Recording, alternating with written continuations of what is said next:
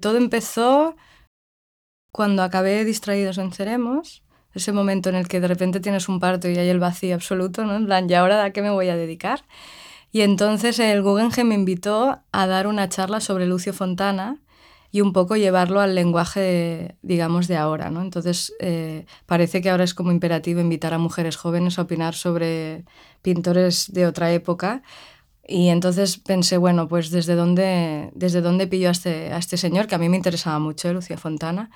Entonces, investigándolo, eh, no tenía su voz por ningún sitio y estaba todavía muy intoxicada por la, anterior investigación, que básicamente lo que intentaba era tener yo un diálogo como lectora con una serie de escritores que escribieron casi todos en primera persona. Pero Lucio Fontana había un manifiesto, que es un tipo de escritura pues muy programática, pues que tiene unos tiempos y una agresividad en su caso, llamativa, pero yo no lo veía en ese manifiesto. Pensaba, está él, pero tenía esta cosa de querer acercarme a la persona, cosa que es un poco...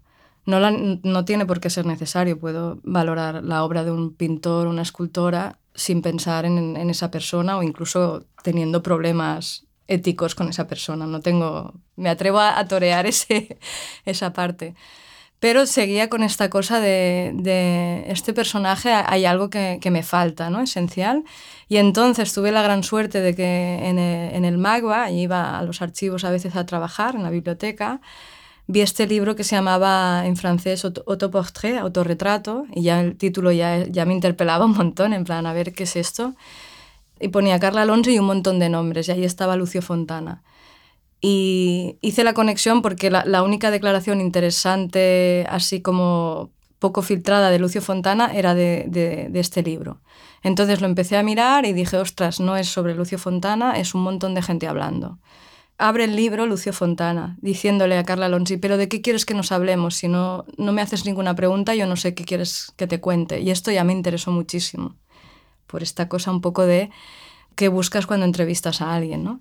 Entonces me enganché totalmente a la lectura y de ahí saqué algunas citas de, Lucio Fontana, escribí un artículo para contexto, pero ahí ya se ve el sesgo en que pongo una foto de Carla Alonso y ya se me ve el ramalazo de que me estoy yendo hacia un sitio porque el ejercicio del Guggenheim fue un poco ponerlo en relación a una serie de referentes no, o sea, con los que normalmente Lucio Fontana no dialogaba y eran todo mujeres, pero en ningún momento lo decía. O sea, era simplemente porque Lucio Fontana mmm, no se puede poner en relación a, por ejemplo, Lina Bobardi o a Carla Lonry o a, Hannah Arendt.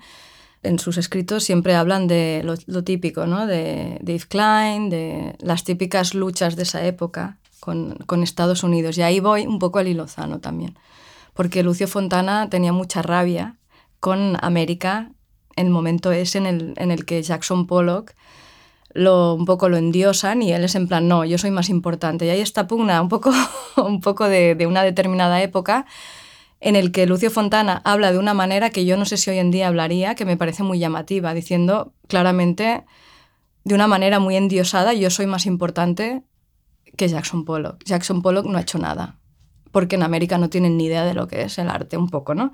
Y esa manera tan abierta y sin pedir disculpas también me pareció interesante, ¿no? Porque hoy en día yo no sé si nos atrevemos a hablar así. Y entonces, investigando un poco ese contexto, pues fui tirando del hilo y apareció Lilo Zano, de la que me habían hablado hace tiempo. Yo, tristemente, no fui a la expo del Reina Sofía, o sea, es una persona que todavía me tengo que imaginar y esto es importante porque sus cuadros son de unas dimensiones, o sea, muy imponentes, ¿no?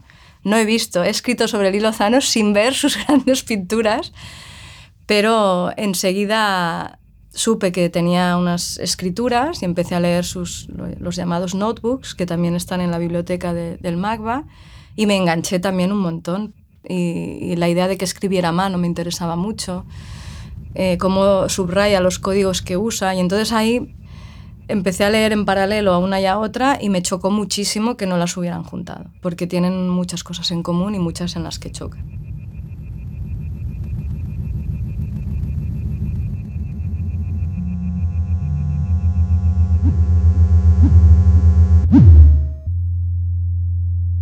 Andrea Valdés es escritora y periodista.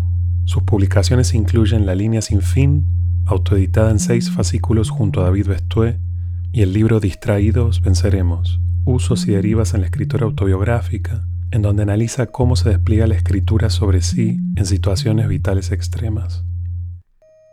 En los últimos años, su investigación en torno a los autorrelatos ha puesto en relación a la escritora Carla Lonzi y la artista Lilo Sano, dos cuerpos en donde convergen vectores y fracturas históricas relacionadas con los feminismos, la transformación del trabajo y la emergencia de formas programáticas dedicadas a abandonar el mundo del arte.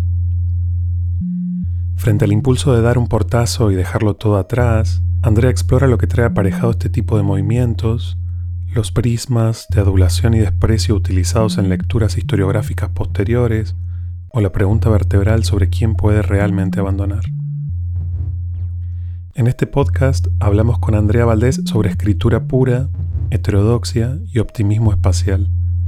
Abrimos la metáfora de las herramientas blandas y la resonancia semántica de los órganos, sean lenguas o genitales, atrapados por los rudimentos técnicos de las máquinas. Comentamos el uso del magnetófono, la fluidez del montaje aéreo y la investigación de los grupos de autoconciencia de rivolta femenile para encontrar en un entorno privado, no mixto, un espacio de habla distinta. La conversación fue grabada en el año 2020 en Agar, durante el auge de la pandemia, como uno de los movimientos de inicio de una investigación que Andrea ha continuado desarrollando hasta la actualidad. Bueno, una cosa que me encanta tanto de Lilo Zano como de Carla Alonso es que siento que son dos cuerpos en los, que convergen muchas cuestiones, muchas fracturas, y de una manera muy vívida y muy, como muy espontánea. ¿no? Hablar de ellas es hablar del giro en el arte, de lo figurativo al conceptual, que es una cosa muy trabajada. Por otro lado está el tema del feminismo, que es un tema que ahora está muy candente y el interés que tiene Carla Alonso para mí es que era una comisaria de arte bastante importante, que se formó con grandes comisarios en, en, Italia, pero llegó un momento en que se desencantó del arte. Y entonces escribió Autorretrato, que es un poco la obra que a mí me parece una obra súper contemporánea, en, en el que un poco explica por qué ella quiere abandonar el arte, la crítica de arte. Y lo que me interesa es que es una obra afirmativa en el sentido, es un artefacto, porque te está dando una pista de cómo se podría hacer. Pero ella decide que ese es el fin de su carrera como crítica de arte. Pero ya te da un regalo que es, a mí me hubiera gustado esto. Y como no ha sido posible en la vida real, lo tengo que simular a través de la escritura. Y a mí esto me interesa muchísimo. En Distraídos Venceramos hablaba mucho, y es una cosa que en el arte está súper tratada, de, de, la escritura y la vida, pues el arte y la vida, o sea, que son como reacciones muy viscerales a cuestiones muy importantes. ¿no? Cuando deja el arte, ella funda Rivolta Feminile y se convierte en una feminista de referencia del feminismo de la diferencia, que es un feminismo que ha estado muy denostado hasta hace poco, pero ahora como lo estamos recuperando todo, vamos a acabar recuperando a Simone de Beauvoir y lo que haga falta. ¿no? Entonces, por ahí también para mí hay un reto porque quiero hablar de dos cosas que para mí son esenciales que en Distraídos Venceremos estaban un poco, tú has acertado mucho al, mencionar la portada Distraídos Venceremos, aparece una, mujer con una, lengua que se pilla con una máquina de escribir. Esa portada la escogí primero porque era de una artista feminista brasileña y nació en mi año. Y son esos metadetalles que tienen que ver con, que incluso en, en, los libros hay muchas cosas que tienen que ver con la propia producción del libro me parecía bonito que fuera una foto del año en que nací porque es autobiográfico. Luego la relación con ella fue muy fluida, eso también es muy importante. Me, le gustó tanto el ensayo que me regaló la foto y es una foto que vale dinero. O ese acto generoso de decir, estás traduciendo, pues vamos a contribuir a facilitar esto, ¿no? También tiene que ver con el proceso de escritura de un libro y quería que estuviera esta mujer. Hay gente que esa portada no le gusta nada, pero a mí me, yo estoy muy cómoda con ella, ¿no? Y es verdad que cuando escribí el texto, enseguida me vino la imagen de, de Lilo Zano, que tiene una máquina de escribir con un pene que está atrapado. En este caso no es una lengua, es un pene masculino y es un tipo de máquina de escribir pues un poco más color, pintarrajeada, y un poco más violenta. Y luego estaba la imagen de, de Carla Lonzi junto a un magnetófono que ella incluye en su libro, que esto es algo que me gusta mucho, porque lo hace varias veces, que pone una foto del proceso del libro, dentro del libro. O sea, en, en Vaipure, que se divorcia de su pareja, hay una foto de, ellos dos discutiendo sobre la, edición de este libro. Entonces me hace gracia ese documento gráfico ¿no? que esté ahí metido. Y en ambos casos el magnetófono es, es muy importante. ¿no? Entonces eh, Carla Alonso en Autorretrato habla de por qué usa el magnetófono. Se ve claramente el impacto en la escritura porque no lo maquilla y esto me interesa mucho. Y luego el tercer vector, antes hablaba del arte por un lado, la transición al conceptual, el tema del feminismo supercandente en los 70, y un tercer vector que es muy político y me interesa mucho, es el cambio en el trabajo. O sea, en los 70 ya se empieza a perfilar la desmaterialización económica hacia algún lugar, que es en el que estamos ahora, de una precariedad absoluta. La precariedad del artista se ha convertido en una precariedad social, de alguna manera. ¿no? Entonces, eh, esas tres vertientes para mí hacen como una especie de foto de lo que está sucediendo ahora y un poco mi idea es tirar del hilo de ver que estas personas ya estaban discutiendo esto en ese momento. Sí, me interesa también como un tema de aprendizaje, porque todo las dos investigaciones, incluso en Distraídos Venceremos, lo escribí porque a mí me cuesta mucho escribir. Entonces soy tan dramática que me fui a buscar los que han escrito en situaciones extremas de vida o muerte, porque a mí me cuesta mucho escribir sobre todo ficción. Entonces ahí hay un punto de, intentar buscar respuestas que nunca me, me, acaban dando otras, pero generalmente hay cosas que siguen estando ahí, pues en el aire, que no sé si alguna vez, de las que no sé si tendré alguna respuesta, ¿no? pero como motor me interesa. ¿no? En el caso de la oralidad, eh, yo he entrevistado a varias gente y siempre es una experiencia muy enriquecedora y muy penosa a la vez, porque nunca salgo contenta, porque nunca es como a mí me gustaría, nunca. O sea, siempre pienso que podría ser de otra manera, porque claro, al hablar hablamos de una determinada manera y al escribir de otra, ¿no? Y siempre he tenido mucho conflicto al traducir a la escritura aquello que me están diciendo, a veces, y esto suena un poco arrogante, pero es un proceso que yo creo que el que lo ha hecho lo entiende, se me ocurre una manera mejor de decir eso que me está diciendo. Y un tiempo a esta parte estoy intentando luchar contra esto, porque me parece también que no es muy interesante al final. O sea, hay algo de da espacio a las personas para que digan lo que tienen que decir y encuentra la manera de ese espacio encontrarlo en la hoja. Y eso es precisamente lo que hace Carla Alonso, cuya lectura es muy inquietante porque cuando lees este tipo de libros, porque luego tiene curiosamente, escupamos sobre Hegel, que luego si queréis hablamos de los títulos, que es otra de las cosas que me, me enamoró enseguida. Es lo contrario, empieza con un manifiesto también. Entonces ahí está muy marcando un tipo de escritura, pero ella ha trabajado mucho en la oralidad y lo que me, me llamó la atención es que leerla para mí fue una experiencia curiosa, porque ese texto no me estaba dando lo que yo quería, me estaba dando otra cosa, porque no hay una centralidad. Es gente hablando que se va, que vuelve, pero no hay. Entonces, de repente, la gran frase aparece en el lugar más inesperado. Y ella habla mucho de este momento de, jo, qué aburrido poner tantas comas.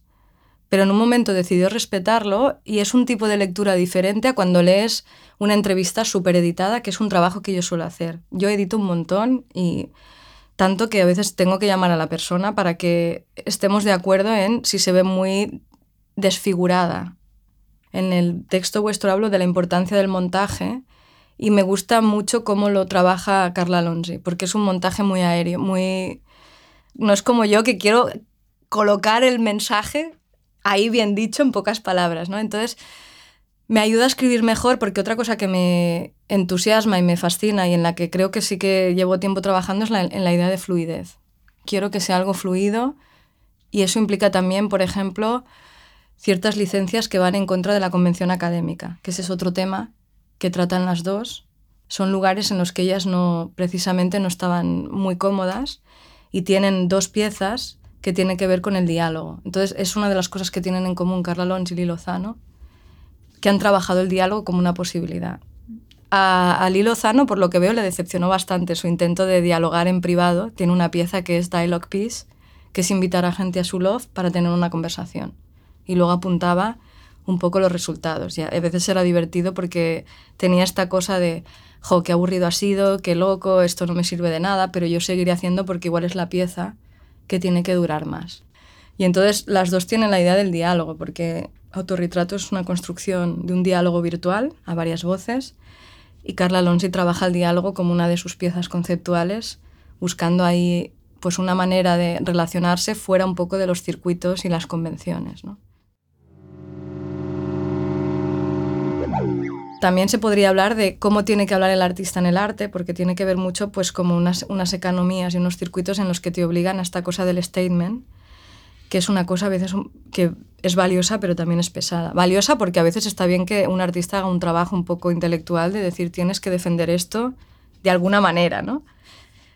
pero también es muy pesada porque un statement es, un, es una, una, manera de, también de hablar, de enunciar, muy vinculada a un, a un, mundo también anglosajón, una manera de pensar anglosajona que para mí no tiene por qué ser la única, igual hay otras maneras de expresarse.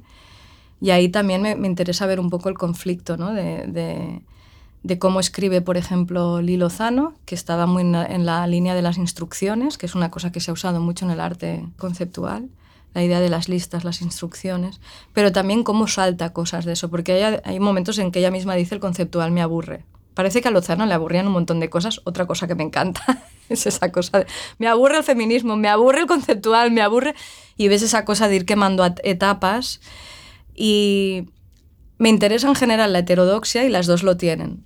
O sea, nunca podrás decir que, que Carla Lonzi es una, una, escritora académica en sentido estricto y tampoco podrás decir que Lilo Zano dentro del conceptual se sale bastante. O sea, tiene cosas que sus compañeros de esa época, de, la, de lo, ella era amiga de, yo tengo entendido, de, pues de, los, de toda esta gente, está, estaba muy metida en la escena de, los 70, ¿no? Pero ya ves que su manera de escribir ya tiene cosas que no son na, nada que ver con Carla André, con Smithson, o sea, ya, ya forman parte de una cosa que yo no sé si vincularla al género porque me, también me, me, pone en una situación muy conflictiva, me gustaría romper ciertos clichés. Me pregunto si puedo hablar del feminismo desde un lugar que no sea ese feminismo, me pregunto si puedo hablar del arte desde un lugar que no sea ese arte. Y yo creo que eso es lo, el tema de esta investigación.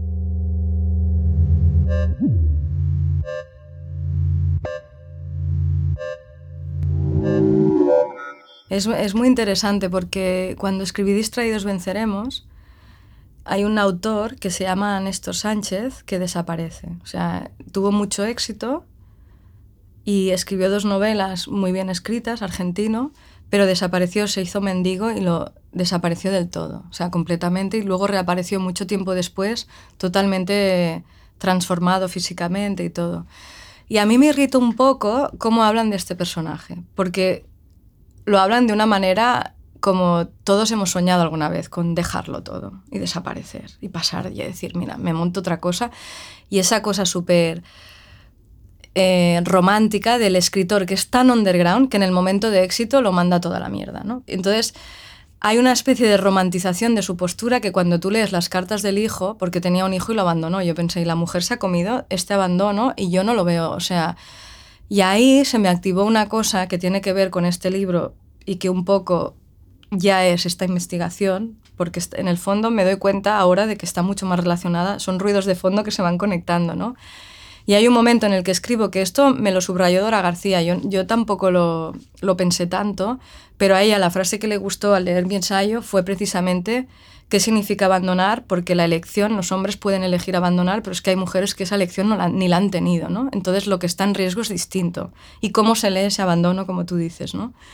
Entonces, estaba eso y de repente aparece Carla Lonzi sin yo, por otro lado, por lo de Lucio Fontana, y leo que este será mi último libro en el arte, porque el arte me ha decepcionado, y luego se, tiene un libro muy interesante que se llama Vaipure, pues vete, que es una, una discusión, una transcripción de su separación con su pareja, que era artista, Pietro Consagra, y esto, durante cuatro días discutieron por qué lo dejaban, y también me pareció muy interesante esa ruptura, ¿no? En plan, cómo, articula cada uno la ruptura, que es una ruptura sentimental, ¿no?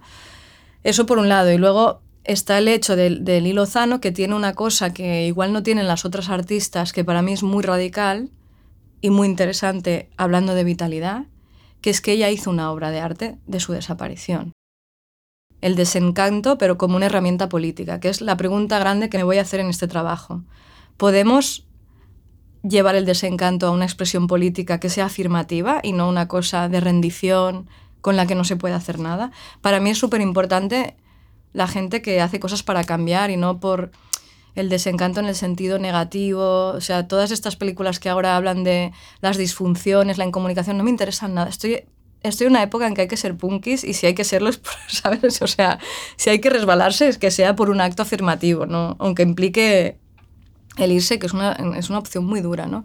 Entonces, en el caso de, de Carla Alonso es, está muy justificado y está muy articulado ese dejar el arte. En el caso de Lilozano se lee un poco a veces como la, la, la piradilla, porque era una persona muy excéntrica seguramente. Las dos debieron ser, y lo digo esta palabra, un coñazo de mujeres, que eso es otra cosa que me encanta, gestionar egos, que me parecen un coñazo, que seguramente me las encuentro hoy en día y vete tú a saber si no acabo yo peleadas con ellas, ¿no? Porque me pregunto también esto, ¿no? Pero claro, visto desde, desde fuera, también me interesa mucho que sean incómodas, que lo sean también en relación a mí, en plan, bueno, esa incomodidad, ¿qué hago con ella? ¿no? ¿Me interesa? ¿No me interesa?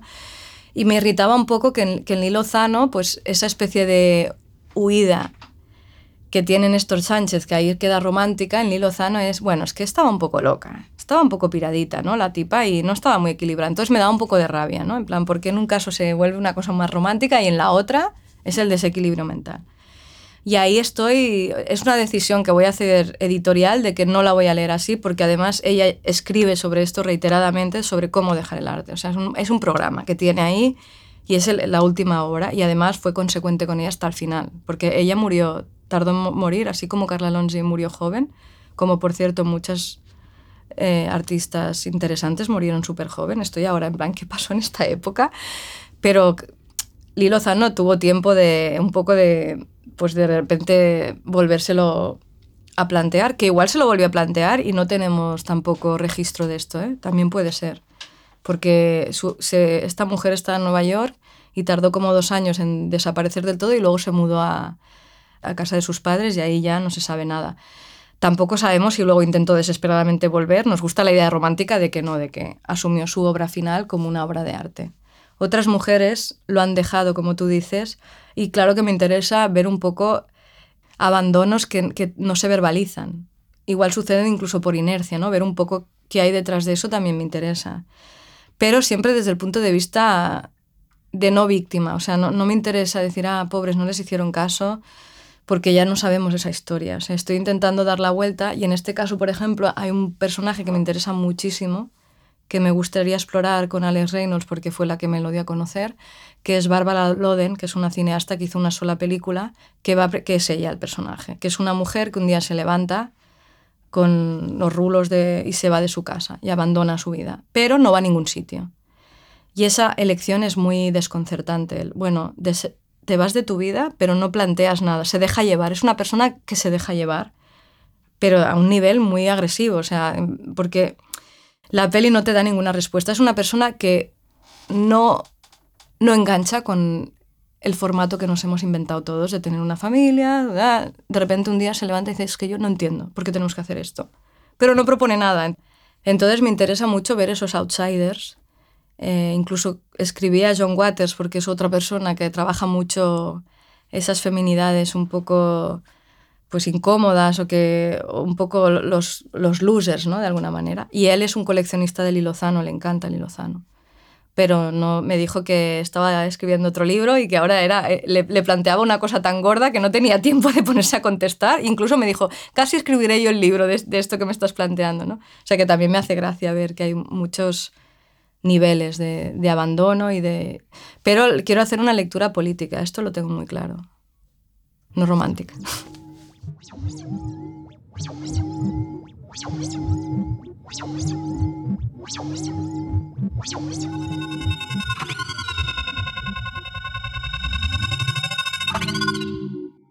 Creo que ahora me levanto esta mañana y digo, tengo dos retos con este trabajo. Uno era lo que decía, hablar del feminismo, pero desde un lugar que no es ese vocabulario prestado que tenemos ahora, como que de repente lo hemos incorporado muy rápido pienso, se puede hablar del feminismo desde un lugar que no sea ese y desde el arte igual, porque quizá os diría que lo que más me pone en conflicto es todo lo que leo sobre este tema en arte.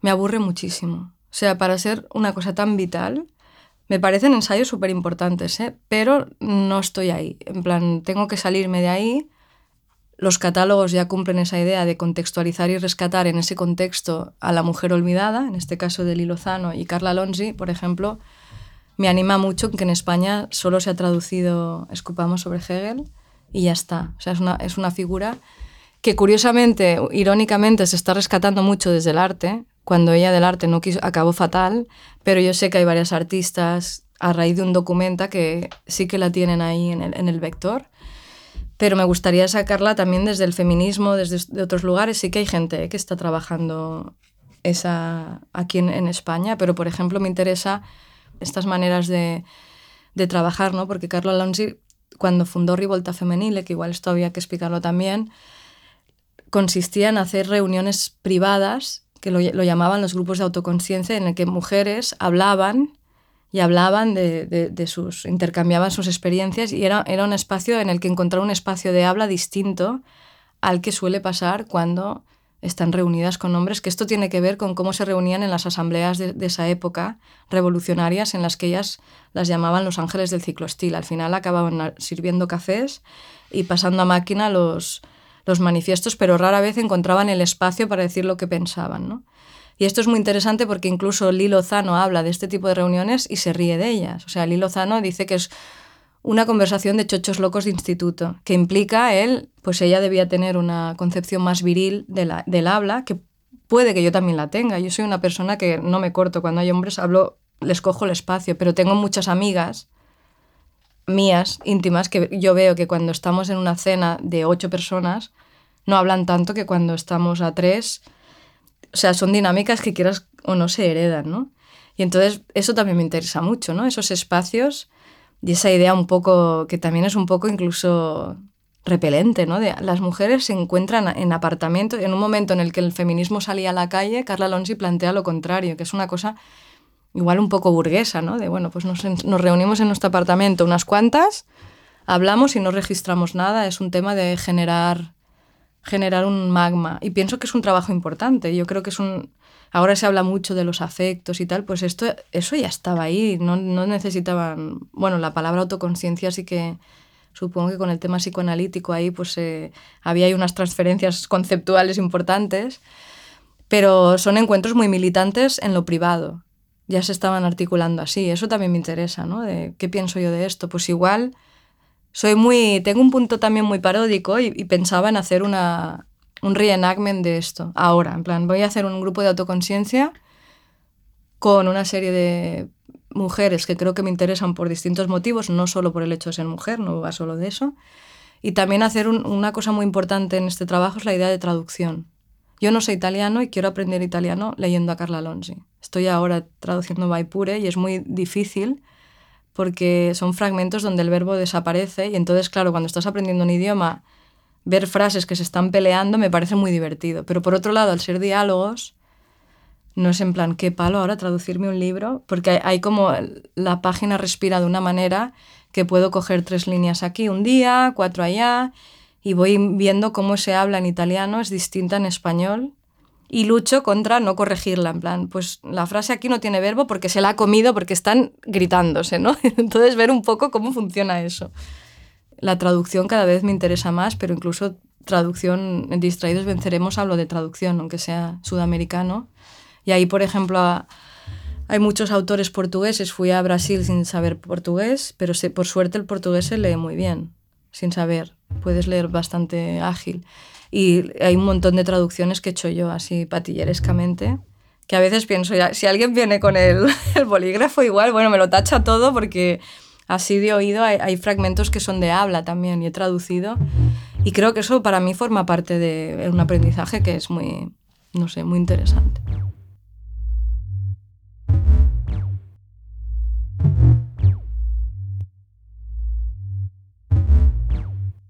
Otra cosa que, es, que sí que, que me llamó la atención es, es, esta idea de pues, la escritura pura, ¿no? la idea de que Carla Lonzi, la, Giovanna Zaperi, que no sé si es un concepto de la propia Lonzi o, o, o es, lo relabora esta, esta persona que está trabajando mucho y muy bien con, con su legado, que habla de la mayéutica, esta idea heredada de Sócrates de hablar un poco, pero no marcar simplemente guías a otra persona para ver en qué se contradice, ¿no? Que de alguna manera piensas, esto es psicoanalítico, pero claro, ves que el psicoanálisis no tiene la exclusividad de las cosas, o sea, Sócrates ya estaba por ahí, ¿no? Y ella habla de el banquete mayéutico, que me parece una idea muy bonita, de la reunión de escuchándonos un poco entre todas y cambiando la posición del habla, no tiene que ser yo escucho y tú, o sea, luego yo te escucho a ti, o sea, ahí hay una especie de, de, fluido circular, ¿no? De maneras de hablar. Que esto, por un lado, tampoco lo quiero volver algo romántico. A mí a veces me enerva mucho cuando vamos a estas reuniones políticas y tengo la, la impresión de estar en una pecera, de es que, en plan, es que esto no va a ningún sitio. No sé si os ha pasado alguna vez la sensación de el que se repite, el que no sé qué. Y pienso, bueno, también estoy a favor de que haya conversaciones con un vector, ¿no? Que, que, haya un increchendo, ¿no? Pero quiero jugar mucho con generar unos equilibrios y ver un poco qué tiene de bueno una cosa y qué tiene de bueno la otra. O sea, tampoco quiero ser ahí súper purista de de repente pues no editamos. Insisto que a mí me encanta la edición y creo que Carla Alonso básicamente lo que ha hecho es editar. Ha editado un montón. Lo que pasa es que con un criterio pues distinto, ¿no? Lilo Lozano, cuando escribió sus notas, ella se, editó, que esto también me interesa. Pensó en algún momento, igual esto lo publico, hizo añadidos, que es interesante porque pensando que es una escritura personal, pues igual lo dejas así como una cosa pura, pero ella también luego reforzó cosas y, tenía sus anotaciones con asterisco. Le encantaba mucho marcar con diferentes símbolos y parece que en, una misma pieza volvía varias veces en el tiempo. O sea, escribía más abajo de la página, iba, bajando de la página, ¿no? Y me gusta mucho también cómo juega con las palabras. Era una, estaba encantada con los juegos de palabras, que en inglés hay un montón. Que esto para traducir es muy complicado porque son realmente sonoridades y la misma dropout piece. La palabra pout para ella significa enfadada y, lo, lo subraya en negro en la propia palabra, ¿no? Y ese tipo de cosas, de, de pistas, también dicen mucho ¿no? de, de, su pulso con, con cómo lo estaba planteando.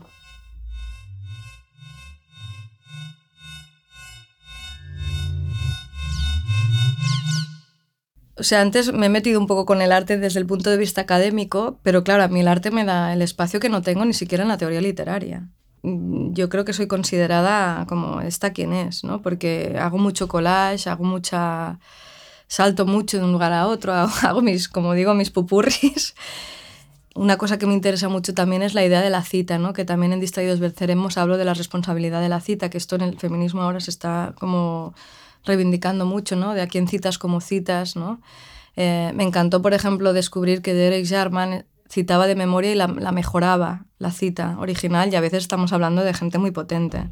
Y cuando vi que él lo podía hacer, esta cosa de la autoridad, que también está muy vinculada como el buscar autorizarme a hacer algo, que a veces otros artistas no lo necesitan tanto. Y eso a mí me, me gusta, esa libertad de lo hago porque me da la gana. Hay un punto en que a veces, pues de repente encontré que como Derek Jarman lo hacía, ahora puedo decir que cito a la Jarman. Porque hay un señor que tiene un crédito mucho mayor que yo que lo ha hecho, pues entonces parece ser que retomar cosas que han hecho otros, me puedo un poco amparar en eso que llegará un punto en que pensaré, pues llegará un punto en que ni siquiera lo tendré que decir y lo hago porque me apetece. En el fondo ya estoy un poco ahí, pero me gusta jugar mucho con las herencias de otras cosas, ¿no? Entonces, eh, ese también es un factor, no sé, a tener en cuenta. Las herramientas de Lilo Zano fallan. Eso me parece súper bonito. La herramienta que falla y convertir eso en algo poético me parece muy guay, ¿no? Es como, bueno, pues también se equivocan las herramientas o pues se tuercen, esa cosa torcida o de repente se excitan, ¿no? es muy... Es, no sé, hay algo que me parece entre muy divertido, muy reverente, luego hay algo que me, me genera mucha ternura de todo eso, ¿no? Y entonces me parecía muy bonito también que fuera una pintora que pintara herramientas y de esa manera tan escultural. Es, en plan, me encanta la gente que cruza géneros, ¿no? desde la escritura hacer algo escultural me parece muy interesante, o sea, probar texturas y, y, es una manera que yo he aprendido mucho de los artistas, porque como trabajo a veces con ellos, al escucharles hablan de una manera o buscan una cosa que yo no encuentro en otras disciplinas y que son muy abiertas, ¿no? De esta cosa de, pues hablar de textura, de materiales, no sé, la materia, he pensado, ostras, Lilo no trabaja mucho esa, esa parte a través de la pintura, aunque luego se volviera conceptual, pues tenía esta cosa muy son muy monumentales algunas pinturas que hace.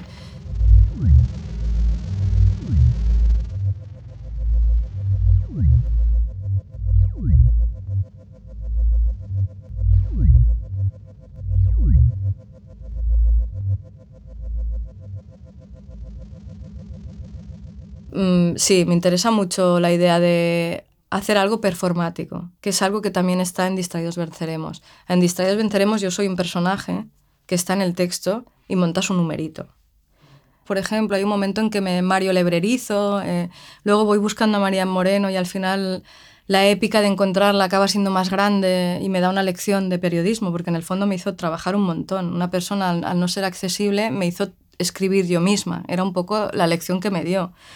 Entonces, esas cosas me, me interesan mucho, ¿no? De, de, ponerme en situaciones que se salgan un poco de la página, pero que yo trabajo con la página, a veces también me lo tengo que decir, no, es donde es mi territorio, pero a ver cómo lo hacemos para que la cosa pues me, me lleve a sitios también interesantes. Y la parodia me, me, me interpela mucho. También es una responsabilidad. Soy consciente de que tampoco puedo hacer una parodia de todo porque es una situación que también puede ser muy cómoda, ¿no? Es como desactivas cosas y, ahí tengo que estar muy pendiente de hasta dónde la llevo, porque puede ser también un poco cansina a veces, de bueno, ya deja de hacer el chiste del chiste. Pero, por ejemplo, en este sentido también he estado investigando mucho cómo se escribía en esa época, que es muy interesante, porque era muy punk. Hemos perdido algo en, en esa especie de manera de escribir sobre todo en el feminismo, dicen unas burradas en los 70 que dices, ala, venga, que esto conecta con los títulos de Carla Alonso y que me enamoré enseguida, porque son todos imperativos, con verbos, como esa idea que me, me, interesa mucho, de alguna manera lo veo como la cara B, ¿no? Distraídos venceremos, la escritura es a lo que se aferra la gente cuando no tiene nada, con lo que se reconcilia, ¿no? De, con las cosas. Y aquí es una especie de ponerse a prueba, escribo y lo tengo que llevar al acto. Sobre todo el hilozano es, escribo esto para llevarlo al acto. O sea, es un registro de algo que lo importante es que se haga, ¿no? Me interesa esa escritura que te interpela y te pone en un sitio de, no, es de, es de acción esto, ¿no? Y Carla Alonso igual, porque todos sus escritos son muy políticos y, bueno, pues está registrando una separación, eh, está registrando cosas que tienen que ver con su vida. Eh, ahora me he comprado sus diarios de mil páginas, que estoy muy con la excitación de recibirlos ya que se llama Calla o más bien habla, el título es maravilloso, es en plan, ¿no? De media tinta. Y ahí parece que habla mucho de esta idea de, de hablar o no hablar, la responsabilidad de eso, y, y, se ve que es muy dura con ella misma, autocriticándose un montón, y entonces esto también quiero ver un poco hacia dónde, hacia dónde me lleva.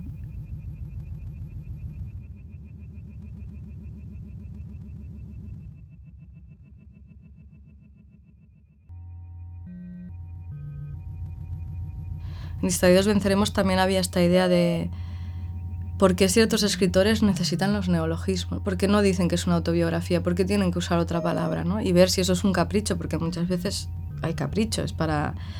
Pero en estos casos las que vi yo que eran muy, vinculadas al territorio, y en esto vuelvo a Gloria Alzandúa, que quizás la, la escritora más importante que he leído en estos cinco años de, en cuanto a todo lo que da en un solo libro.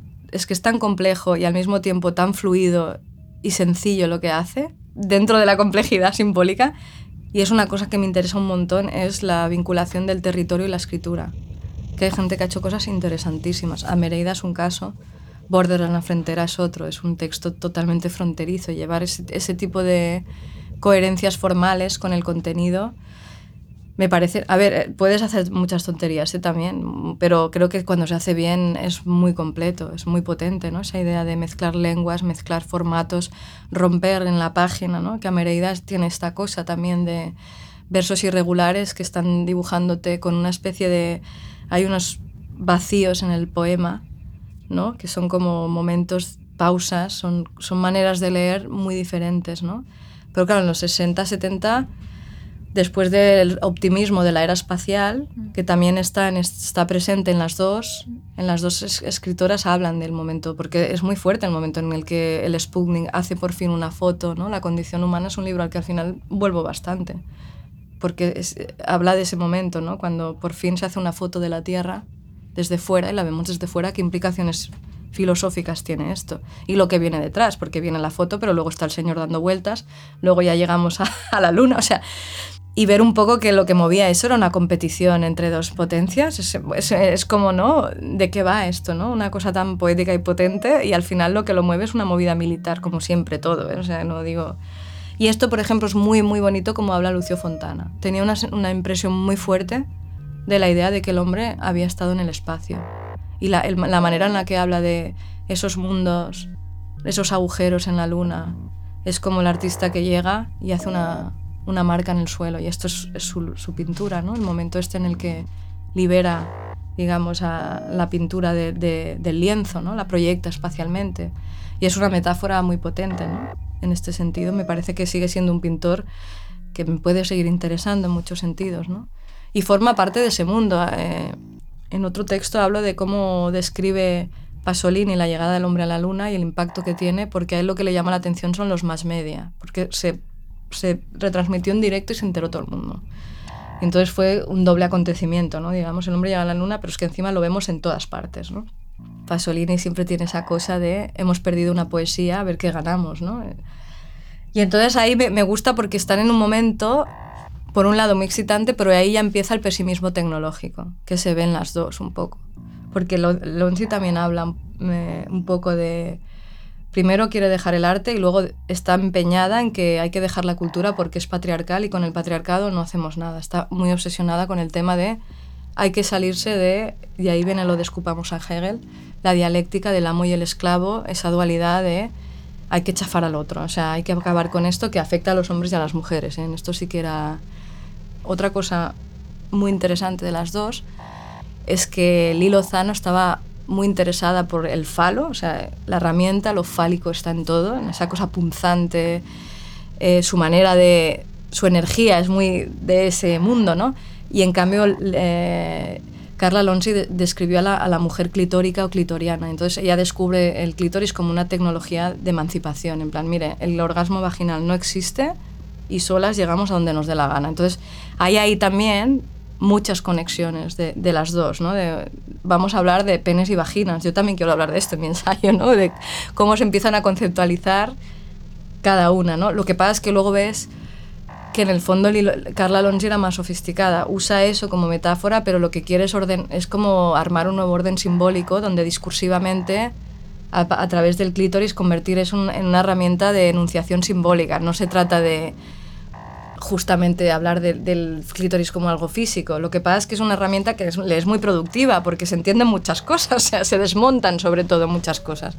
Esa época estaban desmontando mucho toda la teoría psicoanalítica porque hay cosas que eran insufribles.